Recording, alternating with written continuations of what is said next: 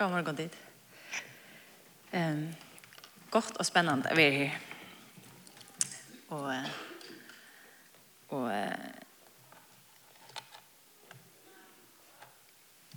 Og i morgen så får jeg begynne på en rød om fire petsbrevet. En innlegg til fire pætsbrevet det så. Nå har vi alt det. Um, så jeg vil faktisk trodde røyer vi var jøknon i var, eller vet du var. Og den første byrja jeg vann, nå senest han var hjemme, om Nailuive. Og så var en serie som vi byrja i februarmanna om bøn. Og vi byrja faktisk ta først begynte helt vidt var nok stort litt. Så bøn og første, faste til vi den første evne. Så var jeg nå, altså et hål av en rød som kanskje var eller hon ver nog hövesröjen och i vetro var. Det här vi om fyra patsbra. Så är för börja och så är det annars värre att tacka ett även i. Ofta tar vi det här inte jag någon ehm en bok eller ett brev eller så har vi mest som kanske jag där vers för vers. Eh och där kunde vi sagt hans av just vi fyra patsbra eisne. Eh Men tar vi så och fyra och oss hemman vi som färre att att tala jöknon røyene, så kom vi faktiskt fram till att vi färre takket det i evner. Du Peter han teker några evner upp som man vidger eh, nästan jöknon alt brevet, och vi till faktiskt här var en god vinkel här för att vi tar ett evne och så gör vi hva sier säger fyra persbrev om hatt evne och så tar nästa och så vidare. Så är det jeg som skal røyne at att göra ett, en inledning till brevet. brev. Och det är ju male vi tog til det är ju att det ska være närmare att tillägna sig det som stender i brevet. Ta vid läsa det och ta ditt høyre talene som kommer. Så jeg får bara först att eh, be god. Uh, tack för att du hjelper mig. Takk for at vi kunne fære ned ut ut år og granske ut og lese og hukse om det og sørge mer og mer og bli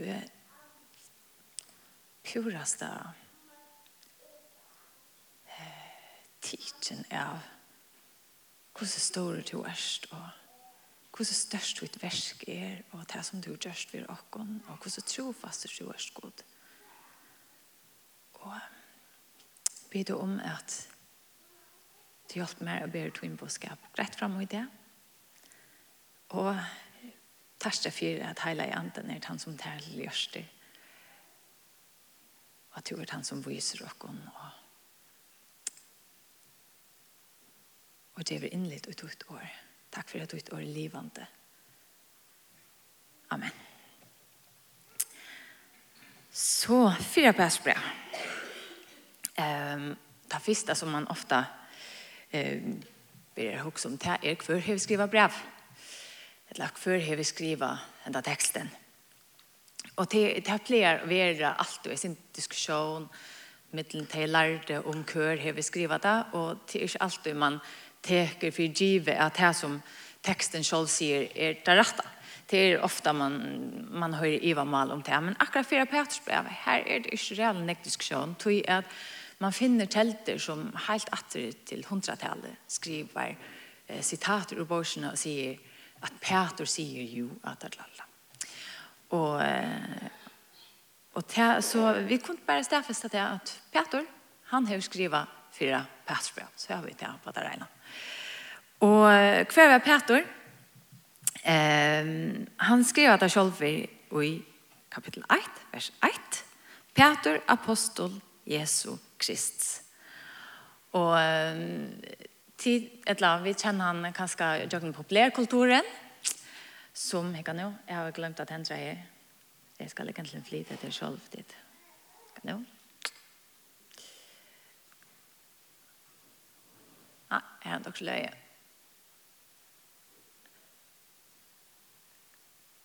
Nei, jeg flyter faktisk sangene. Hvordan blir det til? Ok, så skal jeg ha den neste slide an, jo. Eh, her skulle det ha vært en mynd av en teknorøyer, men det er for innanslag. Um, det er, vi kjenner jo ofte, er det just nok sånne jokes om at det er Peter vi perleporsere og det.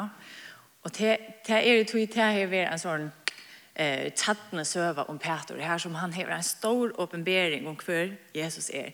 Jesus spyr lærersvennene hver sida de det er, og han sier, «Tu erst Kristus, soner hins livande gods». Og Jesus, han sverar han atter og sier at hatta hever ikke holdt opp blå åpenberet men god, og jeg skal gjøre det liklande til himmel Og det som du binder av gjør skal være bunt i himmelen. Det som du løser av gjør skal være løst i himmelen. Så herfra er det her at Peter nesten alltid er uimynda vi et likla tisse. Men jeg har gjort en annan uh, mynda, sa hun her vi flere myndra. Men Bibelen fram, eh, altså, viser Peter ikke som hentan her veldig at troer heter han ikke bare i ødelføren. Vi får innlitt ui hans her liv, altså ordentlig pjora ærligt. Hans her opp til hans her nye til og ta han i pjorast og i sørle. Og jeg halte enda mynten eh, som er mitt ui her, her som vi sutja, at vi er under vatten, og er med vi rattar ut en hånd. Det, det er en røynt på Louisa, eh, det som hände ta Peter för ut av vattnet. Han börjar och jag alltid han sövan är eh, Peter och ett nötteskall. Tui at Peter han leip fram meg, han sier Jesus kom gengande av vattnet, og han sier, visst du sier at det skal komme ut av vattnet til døgn. Jesus sier, kom. Han leip ur vatten og genger av vattnet. Så han byrjar ugen den her, kærleikant til Jesus, jeg vil bare sutja til, og han fer ut om, og han opplever, Altså, han genker av vatten. Men så hent näka.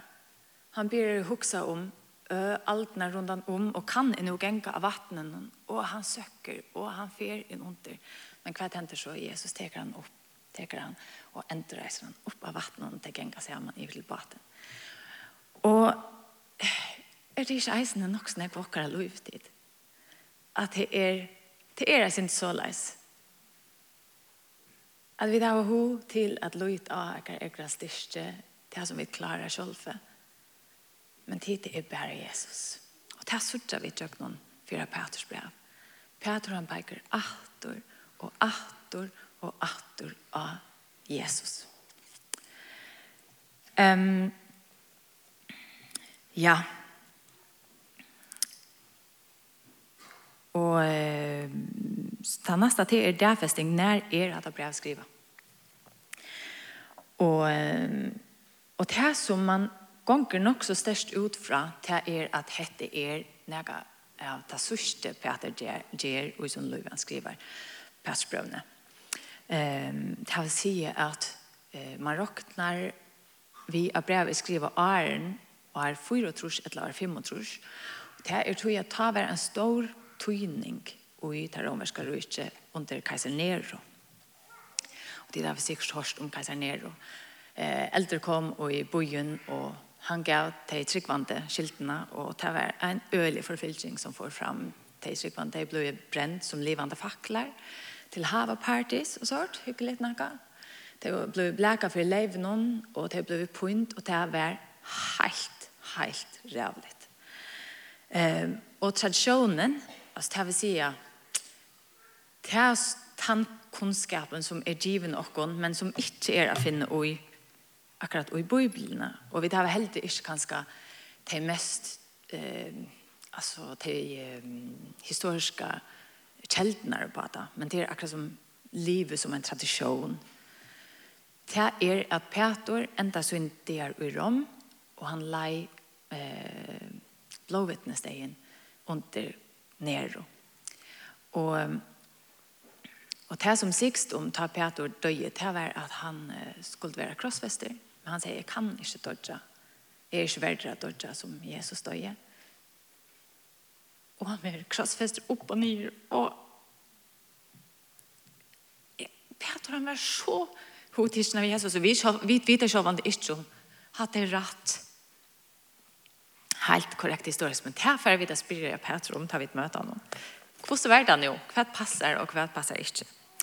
Men i ødelføren, det er sjøven uh, om Peter, at han enda sin lov. Og det er faktisk noe at det sørste som Jesus tog seg ved Peter om, det er at ta til vårt unger, så gikk du her som du vil det. Men ta til vårt gammelt, så vil de krest ikke at du henter ut og fører det her som du ikke vil. Men Jesus sier vi Peter, fylg mer. Og det er det som Peter gjør vi sitt liv. Så hvis vi kan gå ut fra at det er eh, det som passer, så kunne vi datere det brevet til om leie er 2, 3, 3, 3, 4, 3 og sånt. Hvor skriver han så til, Peter? Hvem er det som fjerde det brev?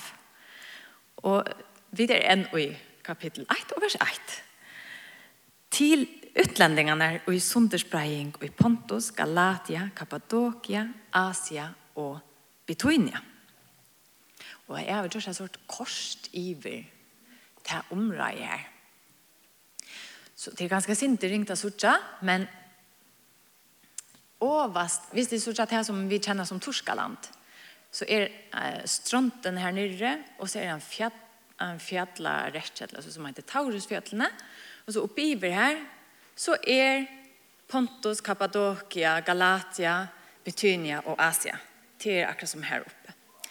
Så jeg har eisen gjørst et kors for jeg viser her som Paulus ferast av misjonsfer. Så det er samme område, men ut ved strandene. Så i alle en Pontus, det er helt oppe her vidt, det ser man nesten ikke av hatt av korset her. Så så, så evangeliet har jo brakt så øyelig nek hvis man husker at samkommer er helt oppe her i helt her oppe i Pontus eisne.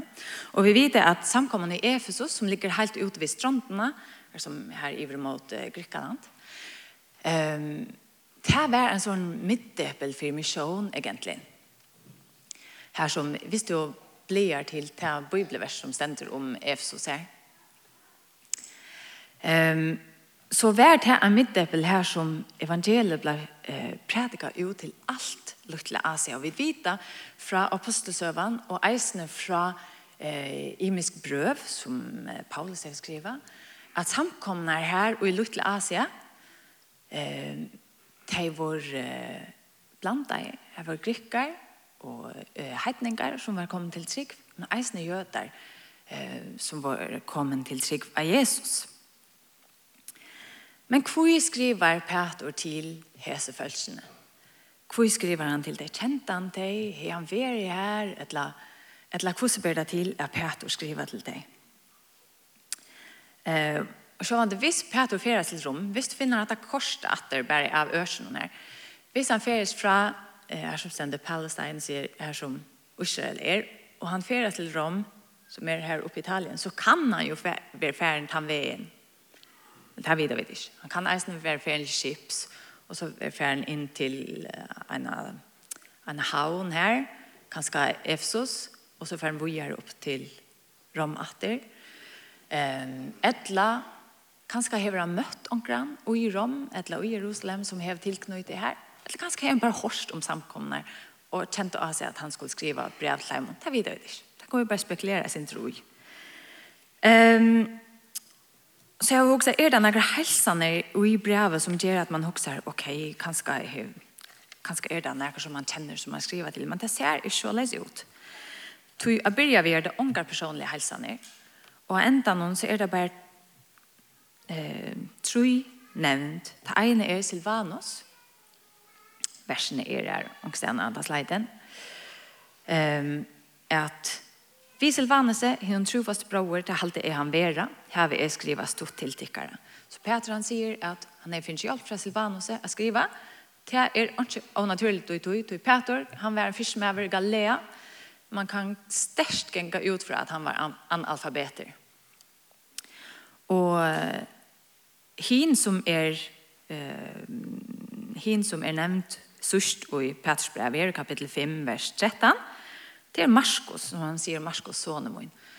Og det råkner man vi nok så sikkert er Johannes Marskos, som eisende feres ved Paulus og Barnabas, som var han som eh, som eh, svukte timen av første misjonsferierna, og som ta, til skulle, ta Paulus og Barnabas skulle fære ut av neste misjonsferierna, så eh, var det så og enig om Marskos skulle komme vi, at det faktisk ikke klarer å finne ut det for hver slutt Barnabas tok Marskos vise til Kypros en ved, og Paulus for hin ved av misjonsferierna. Ehm och och vitande samstarve att hon kan ta efter. Men Barnabas han tenker seg så är Marskos och ta vi läsa brøvene, är allt det att det är reelle vekkort, Tar vi läsa brövne och är så sørger vi att Marskos han är vi. Han är Paulus til hjälpar och nu är han eisen här Chapator och vi tråkna Marskos som tant som skriver Marskos evangeliet Og vi tråkna Markus evangeliet som Peters søv. Eller han sier at det er skriva negv ut fra Peter som ene kjelte. Men her er ikke, kanskje kjenne det Markus, kanskje er det tog han vil nevnt der, ta, Paulus skriver dette brevet til, til samkomne i Lutla Asia. Men så helser han fra samkommene i Babylon, faktisk den der bare henne og i, eller hon og i Babylon. Eh,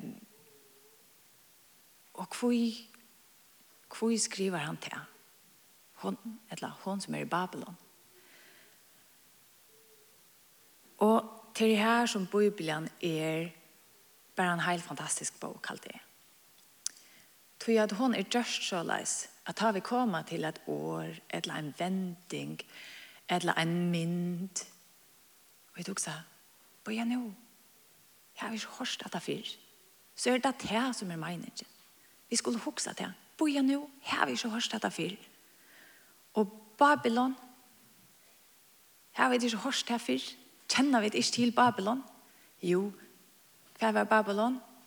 I Bibelene så var Babylon tann eh, testorvelte og, og i heimsøvna, for så vidt, som Jøkken Nebuchadnezzar førde Juda og i utleggt og til byggva og i Babylon og i negv år.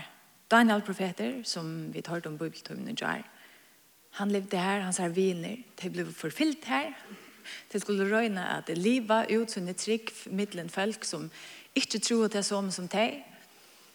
Og til eisene til Babylon at, at Jeremias profeter skriver, bygg deg hus, og, og og signa bojen, du tar det gongst vel vid Babylon, så gongst det, gongst det vel til. Det er Babylon. Men Babylon er eisne et hotek tjøk noen alle biblina, og eisne særlig av oppenberingsborsene, om eh, rujtjer og velder som heter god, god, og alt det som god stender vir.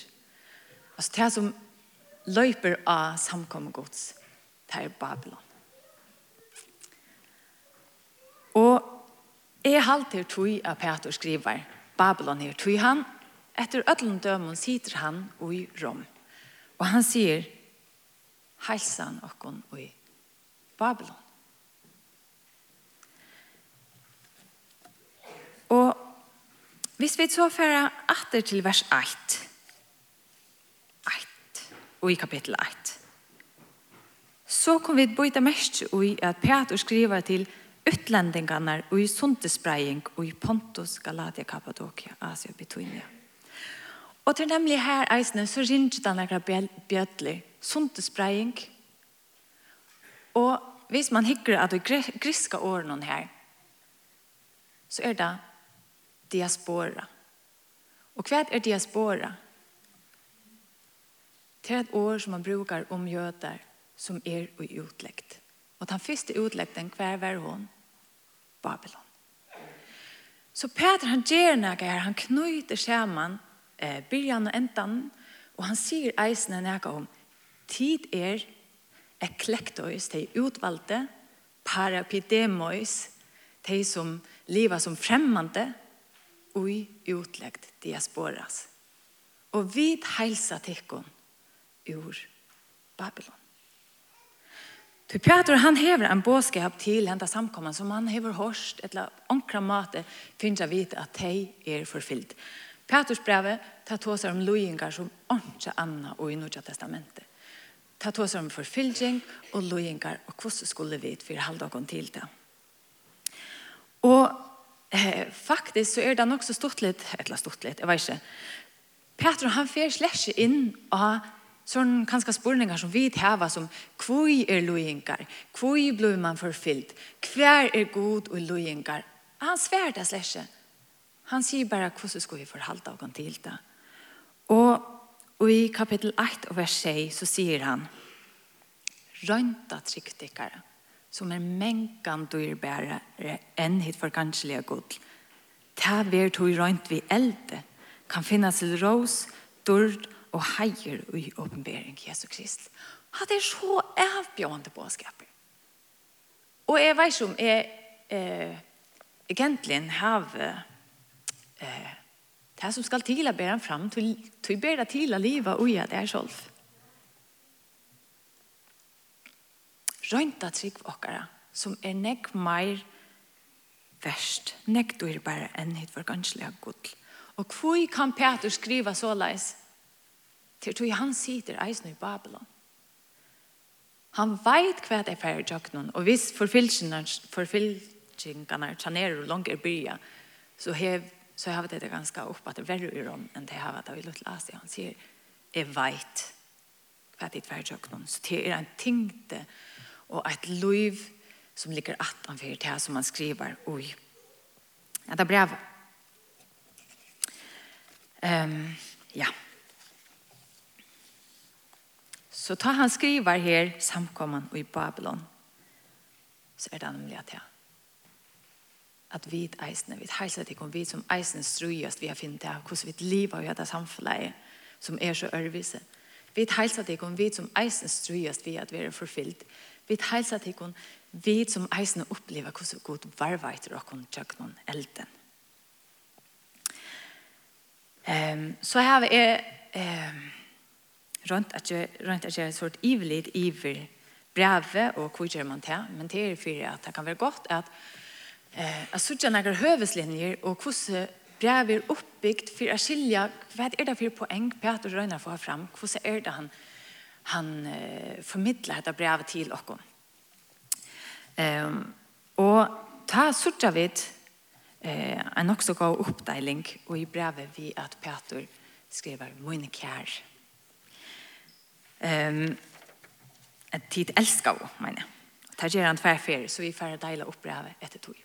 Det blir et nytt argument vi til elskar vi. Så det fyrre eh, parsten i fyrre bedresbrev, det, er fra kapittel 1, eh, og vers 3, akkurat som det er tve første versene med innlegging, og til kapittel 2 og vers 2.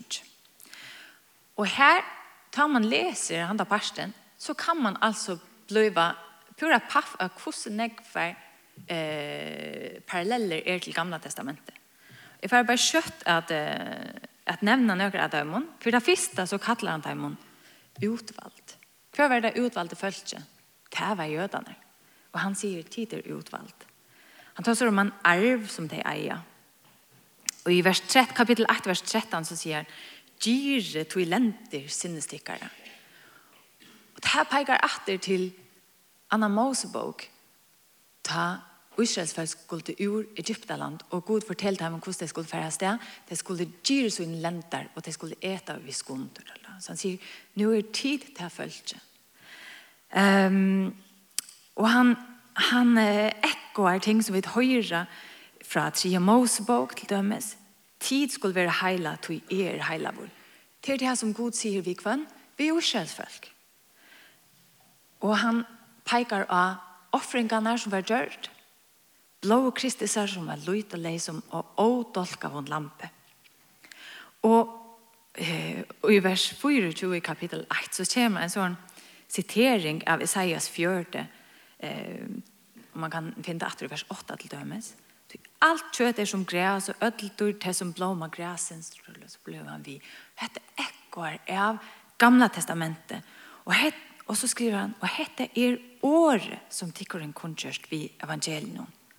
Og i kapittel 2 og vers 2 skriver han Traje eins og nøyfødt bøtten etter henne og blanda av mjölk årsens fyra tid av henne kunne vaksa til frelse så satt som tid av smakka at Herren er gåver. Fjær og i årene til det er her til skilja hver tid er. Og man har kanskje også at det er til jødekristne som, som Peter skriver til, til er ikke var referanser til Gamle Testamentet. Men det er nok så osannlukt, allikevel, til han sier med den andre at um, at tid, og i kapitel 4, jeg får bare sitere den også kjøtt her, at tid av livet og søyløse, gyrndon, fittelskap, besvirre, dykkeskap og skamligere avgoda dyrskan, Te undras du og spotta, ta i ditt ikkje renna vi ut i sema skamløses, du ikkje. Det er her, man har nok ikkje vanta eh, at Peter skriver såleis til jøder, til det livde etter sine egne eh, kultur og hei sin egne mat av livet på. Så hette er skrivet leidningar, hvor blir han vi å bruke hese myndene? Og jeg halte nemlig at det er tog at han vil fortelle hese tryggvante at tid er nu folk, folk, gods. Det finner vi i kapittel 2, vers 2. Tid som ikke var folk av vår, men nu er jo folk gods. Det er ikke bare tilfeldige mennesker som har tatt imot Jesus, men det er sett inn og den store frelseatlan som god har fra byrjan av. Han skapte Adam og Eva. Da han gjør det folk, Guds gjør Abraham, og alt det som høyer til, Og i det gamle, det gamle lyften, alt det som er her. Tid er nu en parster av tog. Vi er et folk, vi er Guds folk. Og i halte eisene heter er for de jødekristne, som helt eis, åpenbart eisene er i er samkomner, at de skulle helt greit vite at det er ikke noen klassamoner med den tid som eh, kommer fra jødene av, og de som er kommet til trygg fra hetningen, om vi er eit ved Kristus. Så er det den neste parten som er fra kapittel 2, 11, og så helt til kapittel 4 og vers 11. Og her er det vi kommer til, hva skal man si, en sånn iverlivelsesguide. Hvordan skulle vi klare oss tjøkken trangtene som er. Og jeg heldig man kan, eh, i vers 11 og 12, så kan man sorte en sånn eh, mission, eller en sånn atlan, hette er til vi skulle gjøre tid. Tid elsker vi, er amen til oss som gester og utlendinger, at halda til oss fra hinnom holdelig liston som er bare det vi salene. Og heve gåan etbor mittelen hetningene her, så teg, om teg nu bektala til som ildgjera menn, kunne sutja og versktikkere, og fyrir terra skuld prøysa gode vitsunar dagen. Så han sier, mynd ikon avfyrda fyrst til det gester utlendingar til, til høyrela folk, som er ørvise. Tid er godsfolk. Minst til det. Og halte kom fra til ønta. Her gav han etbor. Selv om det likva alt og badikon. Kanskje kunne det prøysa god da han viser dem. Og så kommer strategien. Og det er vi skilja som, som alltid tar vi kommer til Guds år at God hoksa bare helt ørvis enn vidt. Til hvordan skulle det iveliva? Hvordan skulle det klare seg? Peter sier, ta lover året først, ta ditt liv som træler og blir forferdelig behandla, ta ditt er koner og tid bare er en ogn, ta menneska til kon. Ta lover ikke er optimalt. Omtidrev til kon og liv og i eimjøkleika. är typen som helst har hod til att stanna vid paroller och ropa och hata er inte rätt. Men Guds vei är en helt annan. Han säger Ej mjukleika och underdrev dikkon og vois Kristi sinnale.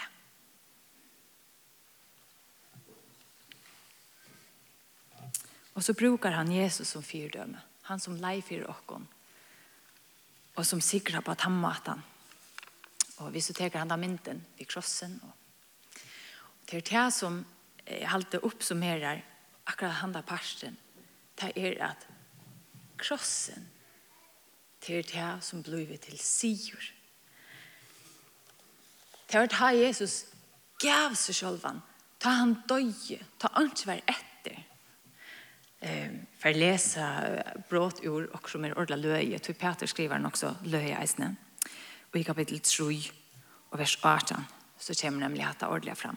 Kristus døye jo eisne ena fer for synder, rattvois for avrattvois, for at han kunde leie og kon til god. Han leid deian i holdt noen, men vær djørd og livande i andan Så kommer det løkna. I honom får han eisen og prædika i fyr antonon som var i værhalte, og taimon som i forum var ålujen ta i langma og gods boja og døv og noa. Men han ørsten var smuja. Og andre som er værhalte, og jeg fer ikke inn i det, men det er diskutera opp og ned, og man vet ikke ordentlig. Men det man vet at det er eh, ønskapskrefter som nu halda at Jesus er deir, og de har vunnet sier. Men Jesus han fer og prædika for deg at, så, at han døye, men det er tog at han sikrar. Han gav sitt liv tog sikrar han.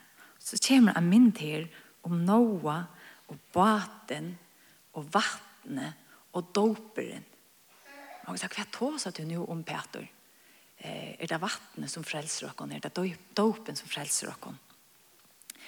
Men han brukar det som mindre på at ta vid lät och döpa så er det en vittnesbord om det samme. At vi velger eisene at lette okra liv nyer. Vi får parst, vi får loter og ideer Kristus er. Og ta merker eisene at vi skulle hava parster, loter og i hansara, sier og i oppreisningen. Og så vi gjør det han om at en strategi til at elska og tæna sine syskjen og i herrene. Han sier, her var from alt brennande kærleikar hver til anna. til kærleik som fjaller fjöld, fjöld sinda.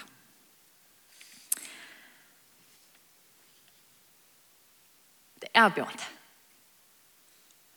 Um, og han sier eisne, uh, vi finner det atre, at vi skulle Halja Herren Kristus i Jørstund tikkare, i kapitel 3, vers 15. Og vi er alt til reier av verja tikkun fyrir einon og kvørjon og krever tikkun til roktskap fyrir vånena som ui tikkun er. Tå vi spekføre og øtta, som tei og hava gåa samviske.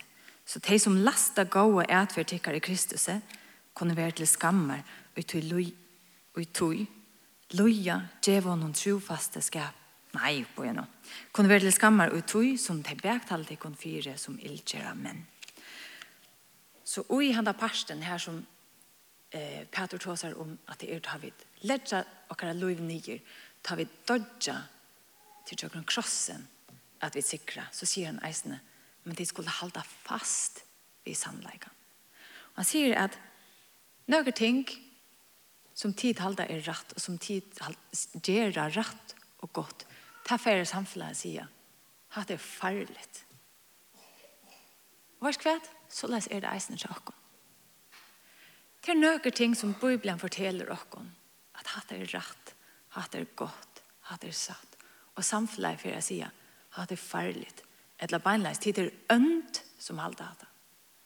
Så ta Bibelen tåser om virus som et menneske hever, fra det er og i bjørsen, til det lever alt sitt liv, og eldest, så sier Bibelen at ødel liv er versnakka.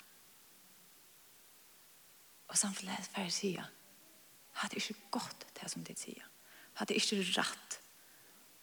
Men Gud, han, ut, han avgjør og kan si, halt fast vid det som ditt videre er godt. Og det er det som er godt, selv om de sier at det er noe som er ønt. Og da har vi lese i første Mosebok, skapande sjøvan, her som Gud sier, og Gud skapte deg til menneske som mann og kvinne skapte han deg. Og vi halda fast vid det. Så fyrir samfunnet sier, tid er ønt, tid er åtolerant, tid roma ikke folk, det er farligt. Så skulle vi halda fast vid det. Det er rett og det er godt Og Gud han veit, då han kjenner dere. Og Peter han sier, kommer vi til den sørste parsten, kapittel 4, 12, og heilt til endan. Han sier, han byrjar ved å si, undrest ikke av elden, og i kommende iver til henne, til å røyne til henne, som tar være noe ondallig og hende til henne. Han sier, nei, det er ikke ondallig, i behøver. Det fyller Jesus etter. Jesus han lei, som en som mever. Og tid skulle eisene liva rett, og tid fær av loja. Men lojt av god. Det er Petrus står erbjøring til okkon her. For ikke at sia meir halde til problem tar man färg en sånn text att man sitter och grubblar och, och granskar og man har så jävla på hjertet. Men för att stekka her, så får jeg bare at uh, heit av tikkun, og i veter og var, får les Peters brev. Ordla fyrir tjøknun, meditere at du, og ta fyrsta evne som vi tidsjo opp, at han er hesver, det er den evige vånen. Og jeg er ikke ferdig som jeg vil at det, men da jeg leser Peters brev, så sørger jeg at det er et argument som Peter vil, hvor kunne vi tåle lovingar? Du vet, det er den evige vånen Vi er ikke et vanlig folk som hører høyre her til. Vi høyre er vi til. Og vi får høyre om lojinger. Hva sier Peters brev om lojinger? Vi får høyre om identitet eller samleika. Hva sier Peters brev om åkere samleika? Vi får høyre om at vi er kattlet at livet hele liv. Hva til det? Og vi får høyre om at Kristus er okkara eit og alt. Jeg håper at tid finner nækka på sjur og ikke er meir forvirra nu enn ta, ta i byrja. Um, og ja, Hvor Peters brev, det er så fullt pakka. Jeg vil vi melde deg om nå at uh, færre inn og lusta etter uh, en forvittneslig ferdjøkken på Bibelen um, det er lagt ut som podcast. Jeg halte det ligger ut av lintene, og det ligger eisene ut av heimesøyen til Jekvann, eh, jekvannsett.org. Da kan man leite nemlig etter Petrus brev, og høyre Søyman Absalonsen, Jekvann Zakariasen, hun tåsa jøkken om brevet.